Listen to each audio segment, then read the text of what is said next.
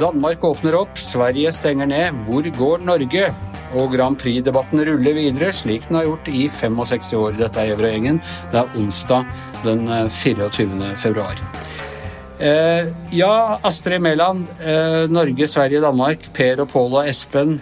De tre brødrene som eh, er så like og samtidig så forskjellige. Og nå går altså storebror Per og Pål i hver sin retning når det gjelder å håndtere koronaen. Ja, Det ser slik ut eh, fra Danmark, da, der eh, de driver og kjekler fortsatt eh, opposisjon med regjeringa og Mette Fredriksen om hva slags tiltak de skal lette på. De er kjempe, kjempelei i nabolandet vårt. De har hatt lockdown siden før jul. Skolene har vært stengt, barnehagene har vært stengt. Det har vært forferdelig. Altså, butikker, kun apotek og matbutikker åpne. Nå er de så lei. Eh, i opposisjon at de har tvinga Mette Fredriksen med på å åpne opp. Og de har laga en plan nå, da. Som hvis den blir vedtatt Nå er jo ikke det er ikke offentliggjort ennå, men hvis det er det Mette Fredriksen gjør, så betyr det at hun godkjenner mye mer smitte enn hun har gjort tidligere. Strenge-Mette har jo vært kjent som en av de som Norge òg har snakka masse med, og til del, delvis fullt. Eh, Danmark har vært ut tidlig vært streng, men nå ser det altså ut som å snu og aksepterer mye mer smitte og mange flere innlagte. Opp, opp til 900 innlagte i april er det de beregningene tyder på. da. Er, det, er dette bare pga. politisk press, eller mener du nå har hun plutselig blitt Tegnell og mener at det er bra med flokkimmunitet, og, eller at man kan oppnå flokkimmunitet? Godt sånn? spørsmål, jeg vet ikke. Jeg har eh, prøvd å spurt noen danske kolleger om det, og det er jo selvfølgelig eh, slik at opposisjonen presser òg. Men det kan òg være det at hun ser at eh, tiltakstrettheten øker.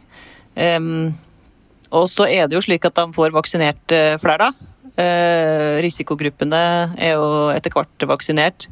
Eldre og sårbare og sånn. Og det betyr jo at det blir langt færre som dør. Så kanskje hun er Danskene er jo litt rå, ikke sant? De er jo noe helt andre folkeslag enn oss. Det, de driver med andre ting. Så kanskje hun er villig til å ta den risikoen da, med at folk bare kan eh, få smitte. og så... Hun tenker at hun kan leve med det vinduet mellom nå, altså de som er vaksinert og de som skal vaksineres. og eh, at dette går såpass unna at hun tåler det der vinduet med, med smittespredning før de har kontroll? Det er jo litt rart, for hun, hun har jo vært så utrolig streng tidligere. Hun har jo drevet et sånn enkvinnesshow. Det var jo avslørt i koronakommisjonen som kom eh, i januar, var det vel, at eh, Mette Fredriksen bestemte alt. Eh, hører ikke på fagfolka sine. Lot som fagfolka hadde gitt jo de rådene som hun ga når hun stengte ned. Det hadde de slett ikke. Så hun har vært kjempestreng. og mm, stått for en superstreng lockdown. Så ja, det er litt interessant hvorfor hun snur nå. Ja. Fordi i Sverige, som jo Altså, de startet på to helt forskjellige. Mette Fredriksen stengte ned før, noen dager før vi begynte i Norge. Bidro til at liksom alarmen virkelig gikk i Norge. Mens i Sverige så trodde de omtrent som eneste land i Europa på denne flokkimmunitetsstrategien. Men nå er det de virkelig begynner å stenge ned. Ja, Det er varsla at uh, Anders Tegnell, statsepidemiologen i Sverige, han sa i går på pressekonferansen at han vil komme nye tiltak i dag. Årsaken er at uh, smitten går opp. da. De har, står foran en tredje bølge. Etter ett år med det der stresset som har vært på sykehusene der for uh, sykepleiere og leger og sånn, så er det altså endelig han fått slappe av litt etter jul, for det har gått ned litt smitten etter jul, men så går den jammen opp igjen. og Det er kanskje pga. den britiske varianten. Eh, Tegnell sa i går at den eh, mer eller mindre begynner å dominere. Så det kan hende derfor. Og allerede regionalt så har de begynt å stramme til eh, sjøl.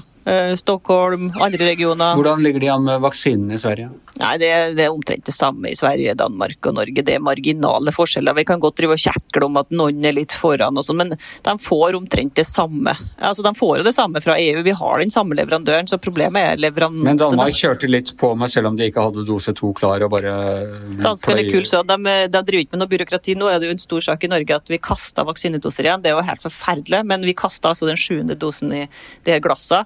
Um, fordi at eh, FHI sier at det er legens eget ansvar hvis du ikke får det til. Eh, du kan jo bare gjette hva de gjør i Danmark. Ja, de bruker Kaster det de har. der. Nei, da, nei, De kjører på. Danskene drikker slantene. Sånn har det alltid vært. Du, øh, øh, også smittetallene da, ha med det til slutt her, og smittetallene har gått opp i Norge. Ja, det er skikkelig dårlig. Nå, jo, skal vi bare ha, ta litt forbehold. Det er mye sånn eh, testing nå pga. vinterferie, så det er masse masse flere som har testa seg. Så det kan være pga. det at eh, det er jo Oslo da, særlig det går opp, og så går det opp i Agder, som vi eh, har lest om. Så er det stort utbrudd av i eh, Mandal, som eh, fortsetter å få smitten opp der. Og i Oslo så har vi masse utbrudd. Så det kan være noe med testinga, men eh, positivprosenten tror jeg nå i uke sju gikk litt opp, da. Så det ser jo ikke helt eh, bra ut der. Han Nakstad, han, eh, Espen Nakstad i Helsedirektoratet han mener jo at de to verste månedene er de som er foran oss. Bare for å være skikkelig pessimist. Så det er jo pga. den eh, varianten igjen, da, mutasjon, da, som vi kan kalle det. Så de tror skaper problemer.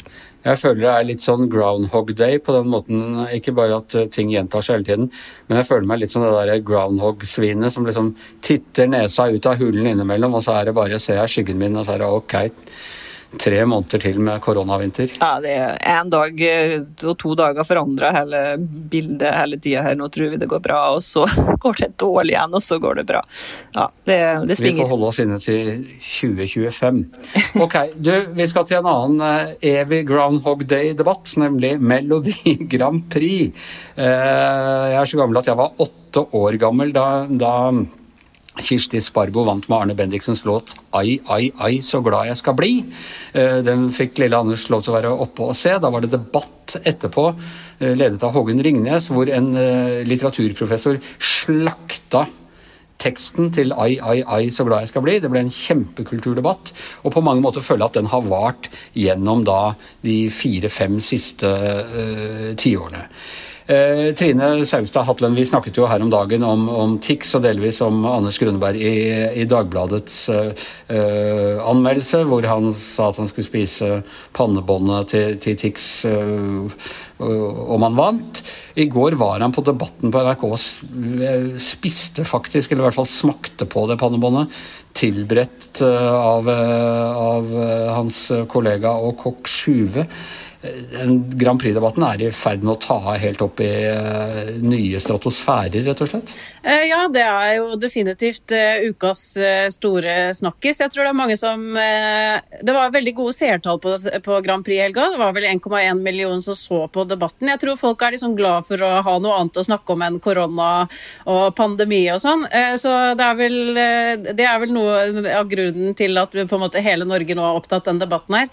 Eh, og så er det jo også at det handler om psykisk helse, som jo også er på en måte et veldig viktig tema inn i 2021. Jeg synes jo, syns jo at det var veldig gøy å se på den debatten i går. Det var noen puteøyeblikk underveis. Jeg satt og skreik litt eh, underveis, men det var jo veldig gøy å se på. Og jeg må innrømme det at jeg hadde sånn tre chatter med tre forskjellige vennegrupper på mobilen som det kokte av, så det var veldig, veldig artig å se på. Jeg har funnet ut egentlig det perfekte for pute-TV. Jeg hadde den på mobilen mens jeg, mens jeg gikk eh, hit til studio, og så bare putta jeg mobilen i lomma når det ble for putete. Det funka, funka veldig bra. Eh, Men altså, eh, Hans Petter Sjøli. eh, Dette dreier seg jo også da liksom om musikkjournalistikk. Anders Grønberg han tilhører min generasjon uh, musikkjournalister. uh, fra sånn 80-90-tallet. Vi utvikla et uh, grovkornet verktøykasse hvor vi syntes det var veldig gøy å å slakte og holde på å være tøffere eh, enn hverandre. Og så har han brukt liksom det vokabularet og, og den metoden på en Grand Prix-låt. Hvordan syns du det har uh, funka? Det funker vel ganske dårlig, fordi, eh, først og fremst fordi at jeg syns at Anders Grønneberg ikke er så spesielt morsom. Eh, han har egentlig aldri vært det, syns jeg. Eh, men, men eh, Nå, er du, nå tar du en Grønneberg på Grønneberg, du, rett og slett. Ja, ja, ja, ja. Vi skal fortsette nå i samme, samme, samme leia. Nei, men altså, i, I forhold til Grand Prix så har det jo vært en tradisjon for det her også. ikke sant? Både her i eh, Storbritannia og i Norge har jo vært en sånn sånn sarkastisk kommentering rundt de forskjellige tingene, sånn som har gjort da at ikke vi tar Grand Prix så altfor seriøst. Og det er jo bra, fordi stort sett så er Grand Prix litt sånn helt irrelevant sånn i musikalsk, og det ligger helt på sida av alt det andre som foregår. Så, så, så eneste måten at Grand Prix kan overleve på, så tror jeg da, er at vi behandler det med en viss ironi og sarkasme. Så, så er det, handler det selvfølgelig om å, om å være fornuftig og, eller, eller skrive godt da, og, og, og, treffe med sarkasmen sin. For det er sånn med sarkasme, når det ikke treffer, så blir det veldig dumt. Så din innvending er egentlig det, da? At det er, det er lov å være sarkastisk på det nivået Grønberg var, men du syns bare ikke at han var god nok til å være det? Ja, det, det, er jo ikke lett å skrive sånt, da. Eh, noen får det til mye bedre enn andre. Det var jo også i den generasjonen som du snakka om, Anders. Det var jo det var, Jeg syns jo det var veldig mye gøy som ble skrevet i musikkpressen den gangen. Jeg syns jo det er synd at, at eh, det skal bli en sånn uh, alvorlighets graden skal bli så stor at de ikke skal lov til å ha det litt gøy på andres bekostning også. fordi det er jo, Hvis du stikker fram hodet i, i, for, for, som artist, eller hva det skal være, så må du må tåle at, at, man får noen sånne meldinger tilbake. Så vi må ikke bli helt sånn eh, ja, mer løs enn paven her, eller? Eh, Trine, altså noe av, av diskusjonen og noe av det som gjør denne vond, er jo det at han har stått fram på talkshow på TV og snakket om uh, psykiske utfordringer han har, han har, hatt og sånne ting, og at Grønberg blandet dette, eh, trakk fram det inn i sin anmeldelse. Men er det ikke Altså, artister gjør jo det. Og, og, her skal vi si at her skal vi være forsiktige med å kaste stein i glasshus, for det er uh, medier som oss som elsker å lage oppslag med kjente mennesker, og de har møtt veggen, og de har hatt problemer, og nå snakker de ut om den vonde tiden, og, og sånne ting. Og det lar vi dem ofte gjøre når de har et helt annet produkt øh, å selge. Men det er, må være lov å påpeke også den sammenhengen at Eh, artister og kunstnere og sånne ting gjerne gjør det for å markedsføre produktet sitt? Ja, det må være lov å påpeke det, men kanskje på en litt mer elegant måte enn det ble gjort i forbindelse med Grand Prix her nå. nå jeg, eh, når jeg kom inn i dette rommet her nå sammen med dere, så kom jeg rett fra en telefonsamtale med min gode unge kollega Maren Olava. Hun minte meg på at i fjor Eh, så skrev hun faktisk en kommentar på eh, vår debattsatsing på Unge da, 25 under 25, som handla om Anders Grønneberg sine sexistiske kommentarer i anmeldelsene sine. Det var da med utgangspunkt i Tone Damli i fjor. ikke sant? Jeg hadde egentlig glemt den saken eh, litt, da, og det, det var noen formuleringer i fjor også som ikke tar seg spesielt Det, det tåler ikke dagens lys spesielt godt. Og det må jeg bare si at Eh, dagens unge er jo litt annerledes enn vi var ironigenerasjonen som holdt på på midten av 2000-tallet. Eh, nå i forbindelse med at jeg så den Britney Spears-dokumentaren og så hvordan hun har blitt behandla av pressen opp igjennom, eh, så gikk jeg tilbake og leste noen av de tingene jeg sjøl skrev på slutten av 2000-tallet innenfor kjendisjournalistikken, og man skulle være eh, liksom, Man skulle slakte og være morsom og kul og eh, litt frekk og freidig og sånn. Og jeg, altså, det var så vondt å lese noen av de tingene jeg sjøl hadde skrevet for 15 år siden i VG. Sånn at det er en litt annen, det er en litt annen tid nå. Eh, og jeg syns det er kjempebra at vi egentlig prater om det her, for jeg tror vi har egentlig bare godt av å tenke oss litt om, da. Eh, vi som er så privilegerte at vi får lov til å skrive i mediene. Eh, men egentlig så tenker jeg at det er helt fint å påpeke det her med å snakke ut og sånn, men sånn, jeg syns egentlig Tix gjorde en ganske god figur på debatten i går. Eh, med at han, eh, han svarte jo på det også, hvor han sa sånn Ja, nå er det ikke sånn at jeg kan ringe Lindmo og bestille meg en plass på fredagen, for da har jeg et produkt å lansere. Og så, bare for å gjenta meg selv også, altså, jeg tror det er veldig viktig at Det er kjempeviktig at Tix sto fram med den historien sin om psykisk helse og selvmordstanker og mørke tanker og sånn. Eh, så jeg tenker at det er greit å påpeke, men eh, jeg veit ikke egentlig om det var et eh, godt poeng, og i hvert fall ikke å trekke det fram på den måten Grønneberg gjorde i den. Det var jo anmeldelsen av en annen artist sin låt. Han til og med skrev det der 'gå og grin litt på Lindmo', eller hvordan han var det han formulerte seg, da. Men altså, apropos øh, sexisme. Tix, dette var ikke jeg klar over før nå denne uka. Han er jo mannen bak de øh, russelåtene vi altså så på for fire-fem år siden. Jeg ikke noe så på noen av de tekstene han har skrevet. Sjeiken om 'i kveld er det lov å være hore' og, og sånn. Kanskje ikke helt den rette til å be Anders Grønneberg stå skolerett for å ha vært sexistisk i, i omtalene sine? Jeg, jeg syns nok kanskje Jeg var innom det da jeg skrev den så jeg syns kanskje det hadde vært på sin plass for Fredrik Solvang å stille ett spørsmål til Tix om det i går, da Tix og Grønneberg sto i studio der i går.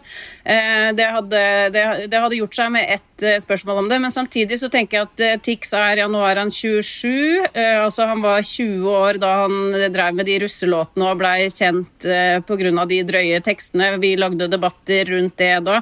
At man Vi må jo også tillate at folk, folk prøver og feiler og lærer og utvikler seg. Jeg tror Tix har lært noe av det nå, at han er en annen person. Ja, det skal han, jo, det skal han jo få lov til, selvfølgelig. Han sa jo for så vidt også på TV i går, da han trakk fram dette med hva Grønberg har skrevet om Tone Damli Aaberge, så, men så begynner han å si men jeg er helt enig med deg, altså, hun er veldig deilig. Også til, rimelig spess å si i, i en debatt. jeg si. Jeg veit ikke om han prøvde å være morsom eller hva han var der.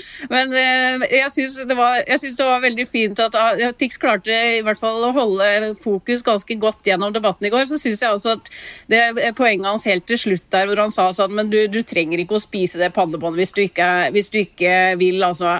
Ikke sant? Jeg syns det bare også var en sånn fin gest på slutten av det hele som egentlig viser at han liksom er eh, Han er, eh, ja, han er nok en fin fyr, liksom. Men hvor, hvor kommer det det grann med å drive og spise ting eh, som har vært i i offentligheten i Norge lenge? Erik Solheim spiste hatten til Trygve Bull, eller hva det er for noe. Hvor, hvor, hvor kommer den tradisjonen derfra? Det er et gammelt uttrykk om at jeg skal spise hatten hvis Jeg skal spise min egen hatt, tror jeg egentlig det var. Eh, Som, som man sa til hverandre i gamle dager på Theatercaféen når man var uenige om uh, gullstandarden. Og så, Ja, da du og, du og Anders Grønneberg var på Theatercaféen ja, på da vi 80-tallet. satt der ja, i mellomkrigstida og krangla om, uh, om gullstandard. Men altså, jeg bare, et, et poeng til. Altså, jeg synes kanskje Vi må jo være litt forsiktige med å bli sånn tertefine. Altså, nå skal vi bare synge om alvorlige ting, og alt skal være så seriøst. Det må jo være rom for, for å ha det litt, være litt svær i kjeften. og gøy. Det handler jo rock'n'roll og, og pop. Og, og det, den slags handler også om å være svær i kjeften og være litt uærbødig og, og, og slem. da. Så det må ikke bli sånn at vi ender opp der at alle sammen skal bare liksom drive og øh, Poppen, Poppens øh, på en måte greie er jo at det er litt lavkultur også, da. ikke sant? Og, og, det er jo Tix også, så jeg syns jo Tix skal få lov til å skrive litt sånn drøye sanger også framover hvis han har lyst til det. Altså, det, er jo, det er bare å gå tilbake og høre på tidlige rockelåter. Det er jo ganske Ja, det er ikke så veldig sofistikert. Og det er bare å høre på rappen fra, på, fra de beste rapperne i USA, og det er jo drøye saker vi blir presentert for. Men, men det er jo litt i sjangeren, da, tenker Ja, det det er på engelsk, det vet du, Hans Petter. Da er ikke Det lyder så mye finere uh, på engelsk. Jeg må altså si til Grønnebergs forsvar, at det blir jo stadig framført, og dette var en for så vidt reell kritikk som jeg ofte møtte som musikkjournalist, at du er ikke kvalifisert for å mene dette her. Anders Grønneberg er jo en av de få musikkjournalistene som faktisk også har vært musiker. Uh, spilt i CC Cowboys, har, har laga låter, har reist rundt. Uh, kan en del om dette her, Trine? Ja, er, eh, den eh, kritikken den er ganske den, den kommer alltid. Den fikk jeg selv da jeg slakta boka til en blogger, Anniken Jørgensen, eh, her for et par år siden. Det, det, det er litt sånn det, det blir litt sånn Det blir for lettvint, syns jeg.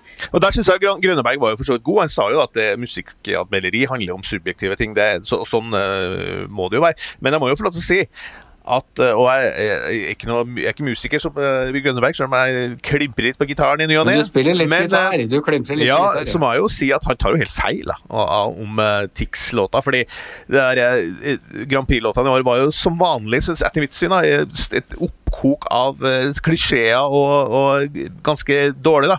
Men det er en låt sto fram som var mye bedre enn andre. Fordi den var en helt vanlig eh, poplåt, og det var Tix sin låt som var definitivt det beste. Så den gangen her så var det en helt riktig vinner av Grand Prix. Det er min autoritative mening om det. Hva mener du, Trine, som eh, Eh, Nei, altså Nei, jeg har sagt det før, men jeg stemte ikke på Tix i år. Jeg syns ikke det var den eh, beste låta i år. Men jeg syns at eh, det har eh, utløst en veldig eh, god debatt. eh, Både om eh, generasjonskløfta i mediene, og ikke minst om psykisk helse, som jeg mener er det absolutt viktigste som kommer ut av det her, da. Og jeg personlig har ikke hørt en god Grand Prix-låt siden Sandy Shaw med 'Puppet on a String', og det var vel i 1967. Så um, alt var mye bedre før i tiden. Uh, Giæver og gjengen er over for denne gang. Takk til Astrid Mæland, takk til Hans Petter Sjøli, takk til Trine Saugstad Hatlen. Jeg heter Anders Giæver, og vår Jahn Teigen er produsent Magne Antonsen.